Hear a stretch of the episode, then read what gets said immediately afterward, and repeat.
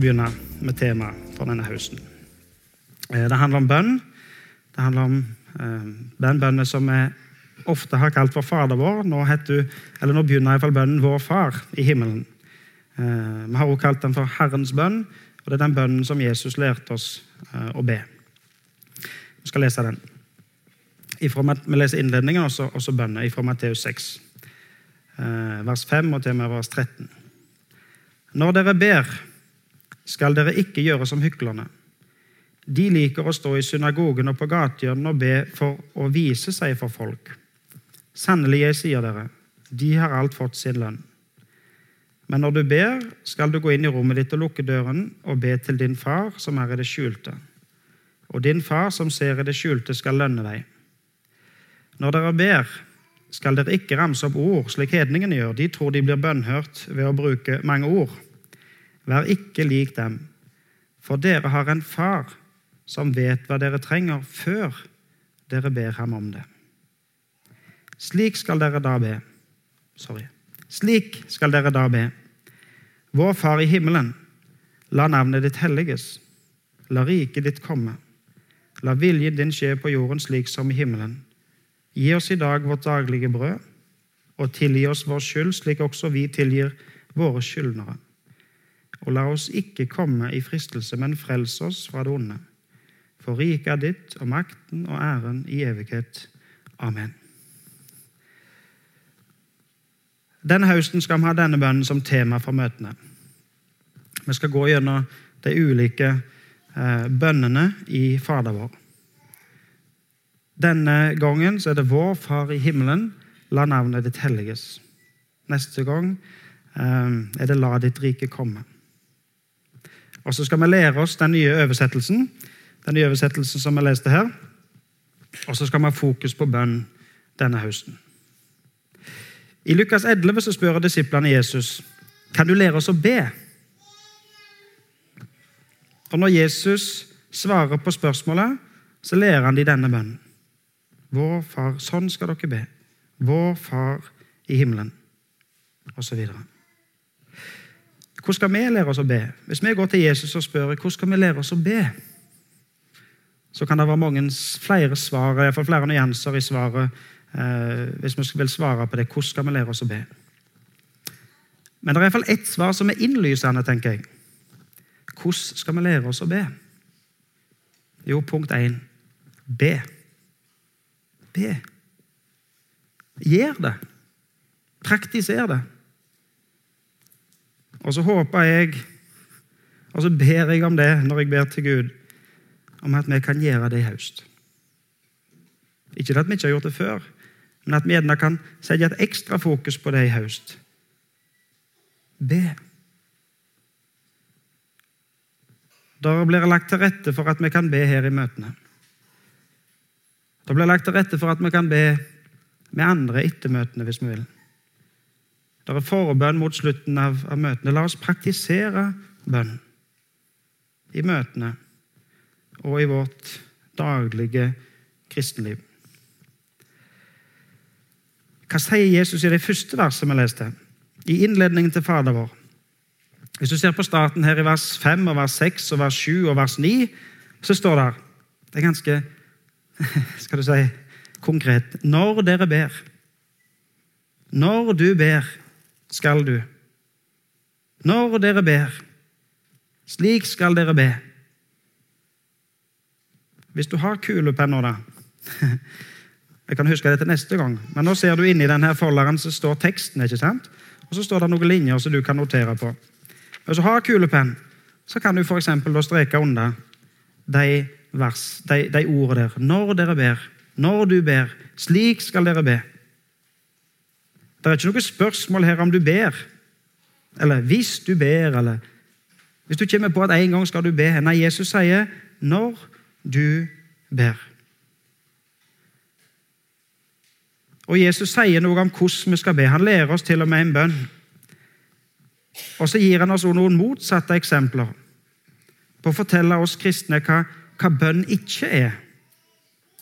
Han sier jo at du skal ikke be som hyklerne. Og du skal ikke be som hedningene. Det vil si, Det er faktisk ikke bare de kristne som ber. Her sier Jesus at vi ikke skal be som hyklerne, for de vil, de vil bare vise seg fram. De vil bare stå der og vise at de ber.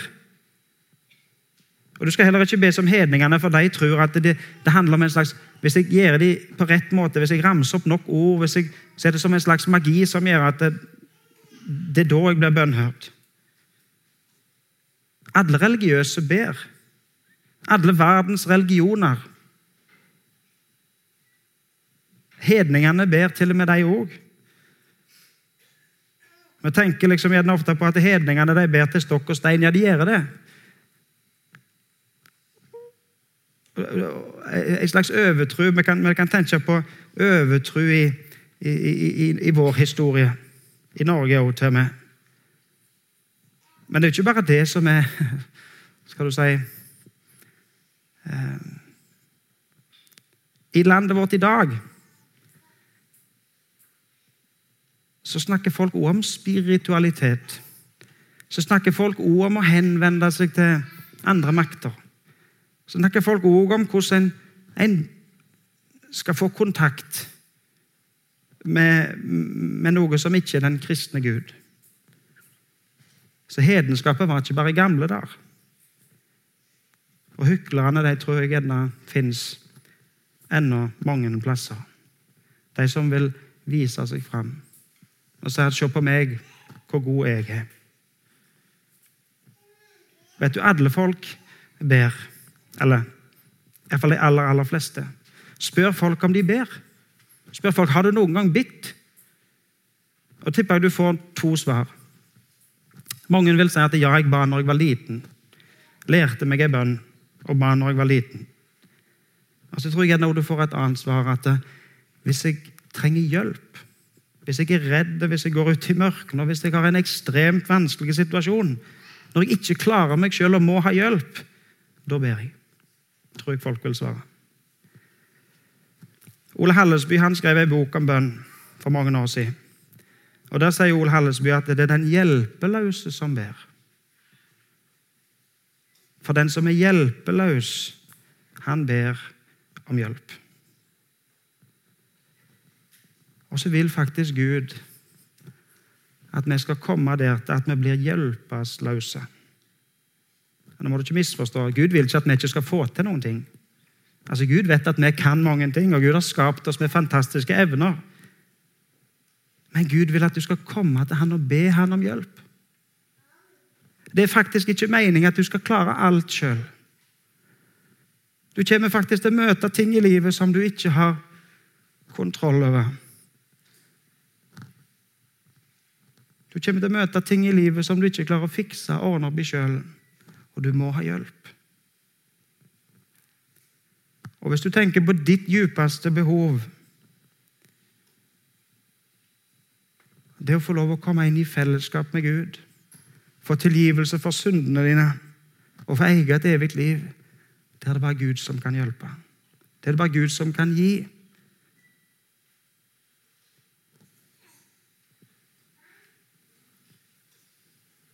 Er det områder i, livet, er områder i livet ditt hvor du trenger hjelp? Da sier Gud til deg, 'Kom til meg'. Be til meg. Jeg vil gi deg hjelp. Og Når den hjelpeløse ber, så ber han ikke for å vise seg fram. Nei, han ber til sin far som ser i det skjulte. Han som ser hva du strever med, han som kjenner deg inn på det innerste. Og Når den hjelpeløse ber, så ramser han ikke opp mange ord og tenker at dette er som en slags magi. Hvis jeg gjør det rett, så går det bra.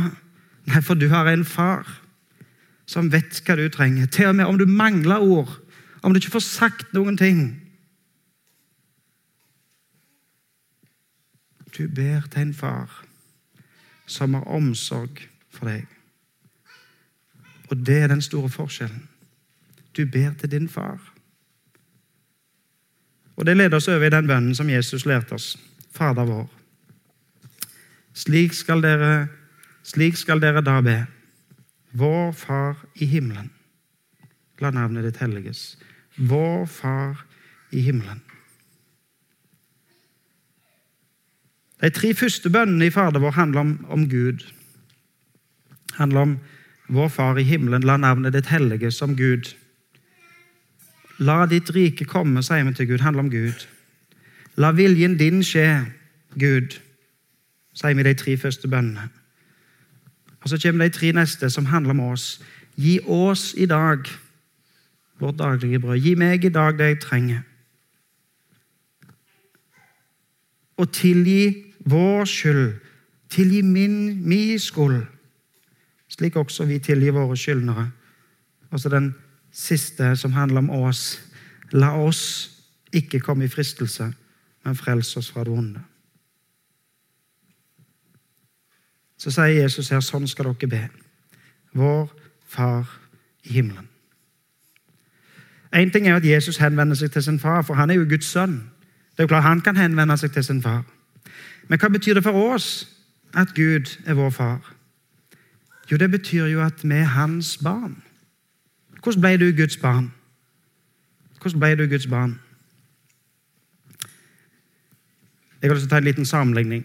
Jeg tror faktisk jeg skal prøve meg på noe dristig der. Om jeg klarer å ta henne. Hvordan ble du et barn? Når ble du født? Hva gjorde du den dagen? Hvor mye bidro du med til din fødsel? Jeg vil jo sannsynligvis si at du bidro svært lite. Heller gjorde det vondt verre sikkert den dagen. Men hvis du ser på denne Klara her hun Clara, Jeg vet at hun Clara hun ble født den 9. juni i 2018. Og han Kristoffer han er Klara sin far. Og Natalie er Klara eh, sin mor. Og det kan faktisk aldri endres på. Uansett hva som skjer, så er han Kristoffer far og Natalie mor. Natalie hun barna Klara i svangerskapet. Og Natalie fødte Klara den 9. juni. Derfor er Natalie Klaras mor. Og Klara er Natalie sitt barn. Ingen som kan si noe annet. Sånn er det. 100% sikker. Og Hvor mye forstår hun Klara av det? da? Lite, kan du si. ikke sant? Hun forstår sannsynligvis ganske lite av det som vi snakker om nå. Men hun klarer å forstå iallfall det. At når hun har et behov, når hun trenger hjelp, når hun vil ha mat, når hun har noe i bleia eller trenger søvn, eller et eller annet, så roper hun på Natalie. ikke sant? På sin måte så henvender hun seg til sin mor, og så har hun en mor som har omsorg for henne.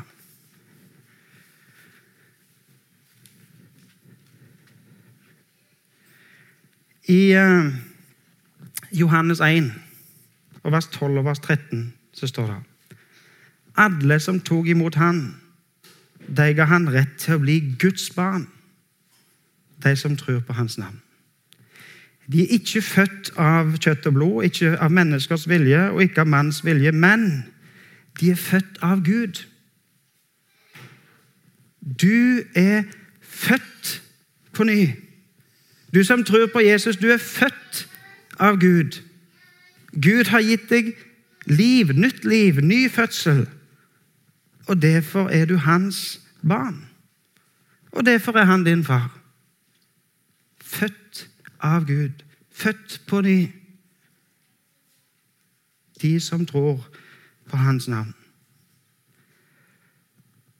Og Derfor så henvender du deg til din far når du ber. Du har ulike relasjoner til ulike mennesker, og du henvender deg ulikt til forskjellige mennesker. Du har ulik grad av frimodighet, og det er grenser for hva som er akseptabelt i forskjellige relasjoner. Altså Hvis du går på Prix for eksempel, og skal handle, eller du skal sende en søknad til det offentlige, så er det annerledes det enn å henvende seg til sin far enn sin mor. Du henvender deg på en helt annen måte. Du kan be om mer når du henvender deg til din far, enn til en som står i kassen på Prix. Hvis du går på Prix, for eksempel, og så glemmer du å betale for pose, så kan du gjerne spørre om kan jeg få en pose. Så får du sikkert en pose. Men du kan ikke komme der med fodel handlekorg, og så kommer du til kassen og så sier du jeg har ingen penger, kan ikke jeg bare få disse varene? Det går ikke. Det funker ikke. Det er for mye å be om til den som sitter i kassen på Prix. Og Når du søker til det offentlige, så må du bruke rett skjema. Du må bruke rette formuleringer, og du må oppfylle kravene. Det kan hende du kan spørre om hjelp til å fylle ut skjema, men du må sjøl oppfylle kravene. Men når du kommer til din far, så kan du komme på en helt annen måte. Det er en helt annen relasjon som gjør at du har en helt annen frimodighet. Og det er helt andre grenser for hva som er akseptabelt. Hvis du er, så, hvis du er blakk og trenger mat, så er det helt greit å gå hjem og spørre om å få middag. Ikke din far. Og du trenger ikke oppfylle noen krav eller fylle noen søknadsskjema for å få lov å bo i hans hus eller få omsorg ifra din far. Hvordan responderer en far da på henvendelsen ifra sitt barn? Jo, hvis hun klarer å begynne å grine Det var sikkert jeg som gjorde det, da, men hvis hun klarer å begynne å grine, så reagerer vi forskjellig. ikke sant? De fleste av dere de reagerte ikke på noen som helst måte. Noen tenkte igjen, ah, nå hørte jeg litt dårlig, eller andre tenkte å litt til Klara. ikke sant? Men hun Natalie hun reagerte. Og han Kristoffer. De reagerte på en helt annen måte enn dere andre. Og Det er helt utrolig egentlig hvordan mødre klarer å reagere på ungene sitt behov. Har du noen gang vært på en plass der det er mange mammer og mange badnavogner? Hvis du liksom er på trilletreff eller et eller annet sånt, det er ti badnavogner ikke sant? og ei gruppe med mammer, og så kommer det lyd fra ei vågen, så sitter de aller, aller fleste mammene i ro, men det er ei mor som vet det. 'oi, det var min'. ikke sant? Og så reagerer hun, og så, og så, og så dekker det barnet sitt behov. Og den som er mor, eller den som er far til et barn, responderer på alle behov. Ingenting er for stort. Ingenting er for mye å spørre om. Og jo større behov et barn har, jo større innsats legger foreldrene i å dekke barnets behov. Gjøre alt som står i din makt for å dekke ditt barns behov. Og Hvis du har et barn som har et behov, så gjør du hva som helst, alt som står i din makt, for å dekke det behovet. Og din far i himmel, han gjør alt han kan. Han setter alt han kan, all hans makt og myndighet inn på å respondere på dine behov. Vi kan jo selvsagt føle på utilstrekkelighet. Jeg kan ønske av hele mitt hjerte å dekke mitt barns behov. Men så blir jeg noen ganger hjelpeløs, for jeg kan ikke. Jeg har rett og slett ikke mulighet, makt, til det, å få det til. Men Gud vil, og Gud kan. Og det er ingenting som er mulig for ham. Han gav til og med sitt eget liv for å sørge for ditt evige behov, de frelse. Og det er Han du henvender deg til når du ber. Vår Far, min Far i himmelen. La navnet ditt helliges. Det er to ting, tror jeg, to forhold som gjør at vi har lett for å misforstå hva som egentlig ligger i denne bønnen. Og Det ene er det at vi ofte blander denne bønnen sammen med, med budet om at vi ikke skal herre, misbruke Herren. Budet er sånn. Du skal ikke misbruke Herren din Guds navn. Det er det andre budet, så langt jeg vet. Og Så gir vi innholdet i budet og bønnen til et eller annet om at vi ikke skal banne. Et eller annet om at vi ikke skal bruke Guds navn som skjellsord eller som kraftuttrykk. Og, og, I den gamle oversettelsen så sto det jo til og med 'La ditt navn holdes hellig'. Jeg syns egentlig dette er finere. 'La navnet ditt helliges'. Og, det, og For all del, det er rett og godt og sant, men på en måte egentlig bare delvis sant det at vi ikke skal misbruke, at vi ikke skal bruke Guds ords navn som et skjellsord. For det ligger så mye mer i denne bønnen. Og Det andre er at vi har vanskelig for å forstå hva det betyr når det står 'la navnet ditt helliges'. Hvorfor brukes ordet 'navnet' her? Nå må vi huske at dette er en annen kultur og en annen setting, og dette er mer enn bare tilfeldige bokstaver i et folkeregister. For navnet var veldig nært knytta til personen. Navnet var personen. Det nærmeste vi gjerne kommer i Norge, det er når vi snakker om vårt gode navn og rykte. ikke sant? Men, men det dekker det heller ikke helt. Hvis du ser i Bibelen, så ser du at mennesker får nye navn. Gud sier til Abraham at du skal ikke lenger hete Abra, Abraham, men du skal hete Abraham. Gud sier til Peter at du skal hete Kefas. Og tydeligst av alt, Gud sier til Josef du skal gi ham navnet Jesus, for han skal frelse sitt folk fra deres synder. At I Tanzania er det også sånn at navnet henger nøye sammen med personen. Jeg hadde en elev på bibelskolen som heter Jumaine. Det betyr tirsdag, og han var født på en tirsdag. Og Så hadde jeg en annen som heter Matatizo. Det betyr problemer. og Det var nok en hard fødsel eller et eller annet vanskelig. Og så hadde jeg en annen som hadde et eh, Til fornavn så het han Chuck Norris. Hvorfor han gjorde det, det vet jeg ikke, men han het iallfall det. Eh, og det henger nøye i lag med, med personen.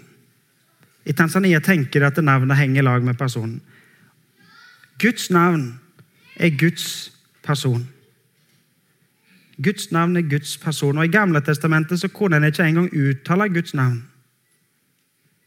Guds navn Yahweh. For det var så hellig. Men du ber til din far, som har så mye omsorg for deg, så store kjærlighet til deg at du ønsker å løfte han opp. La han få lov å bli store og synlige og hellige. Se hva det står i Salme 105. Pris Herren, påkall Hans navn, gjør gjerningen Hans kjent blant folkene. Syng for ham og spill for ham, syng om alle Hans under. Vær stolte over Hans hellige navn. Gled dere i hjertet, dere som søker Herren. Vær stolte over Hans hellige navn. Sorry, der burde jeg Åh, oh, gikk det litt i badet. La navnet ditt helliges, eh, ber vi. Der skal jeg være. Hva er det største budet? Hva er det Gud ber oss om? Den hellige Gud, hva, hva er det største budet han gir oss? Jo, han sier du skal elske Herren Gud av hele ditt hjerte, av hele din sjel, av all din forstand. Hvorfor ber Gud oss om dette? Det er ingen som kan kreve at du skal elske, prise, opphøye og ære. Hvis et menneske kommer til deg og sier at jeg vil at du skal behandle meg så, så vil du sagt at du er selvopptatt.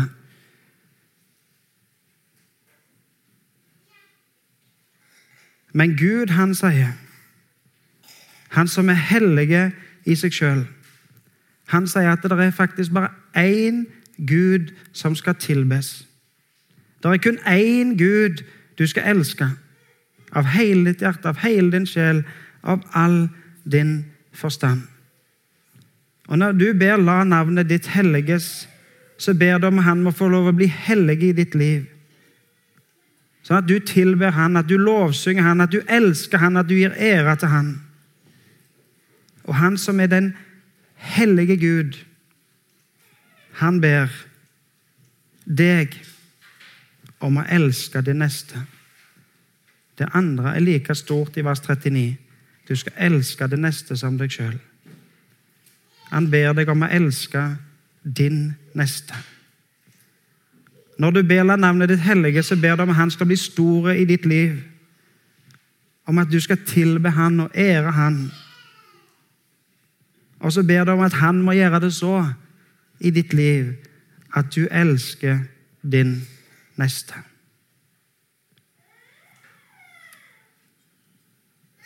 Om jeg kunne se litt av Guds hellighet, Hans hellighet. Han som er uten synd, uten feil, uten mangler.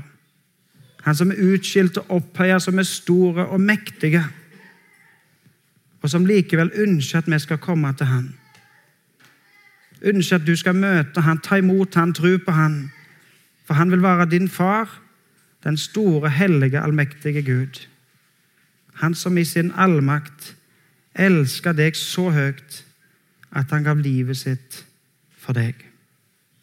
Når Johannes døperen i åpenbaringen skal ikke lese alt dette, men når Johannes døperen Johan, nei, sorry, når Johannes i Johannes' åpenbaring fikk se Jesus, så falt han ned som død for føttene hans. For den hellige Gud. Men Jesus sa, 'Frykt ikke'. Strekke hendene ut til Johannes og si, 'Frykt ikke, vær ikke redde, for jeg er den jeg er.' 'Jeg har seira over døden, og jeg lever evig. Jeg vil gi deg evig liv.' Og Når du kommer til, til Han, så ser du at han har faktisk andre barn òg. For han er vår far i flertall. Og du skal elske det neste som deg sjøl. Og da blir vi en familie. Da blir vi en familie, og Gud er vår far. Og så blir det vårt familieprosjekt å la vår far helliges. Sånn at vi får tilbe han og lovsynge han og vitne om han. Og invitere folk inn til han. For i denne familien har vi plass til alle. Og vi vil at familien skal bli så stor som mulig. Langt ut forbi VEA sine grenser og Norge sine grenser og ut på i hele verden. Og vi vil at denne familien skal ha det så godt som mulig. Det er jo ikke så lett for oss å forstå det her på VEA og fatte det at det er noe som er større enn VEA. Men vår familie er faktisk større enn VEA, større enn Norge. Vår familie, alle de som tror på Han, av alle nasjoner, alle folkeslag og alle tungemål. Og når du tror på Jesus, så gjør, så gjør Gud deg til sitt barn. Og når du tror på Jesus, så får du faktisk del i hans hellighet. Og så blir du hellige og ulastelige, for han tar vekk alle dine synder. Og så er du barn av Gud, og du ber til Han som er din far. Du er hans. Nå skal jeg si litt praktisk eh, helt til slutt. Nå har vi dette temaet, og vi skal lære oss den nye Fader vår. Vi skal lære vår far. Eh, og det som Jeg skal gjøre nå, jeg skal, jeg skal be i korte bønn. Skal prøve å være korte. Og så skal jeg gi litt tid. Jeg skal la det være stilt en stund, så at hver og en av dere kan, kan be der som dere sitter. Og når vi har eh, bedt en liten stund hver for oss, så sier jeg at nå reiser vi oss, og så ber vi Fader vår i lag. Um, og Når vi har bedt Fader vår i lag, så fortsetter møtet, går mot avslutning. Men i avslutningen av møtet så vil det bli gitt mulighet til å gå til forbønn, enten her bak i salen eller nede i bønnerommet. Og Da tenker jeg nå skal vi faktisk praktisere.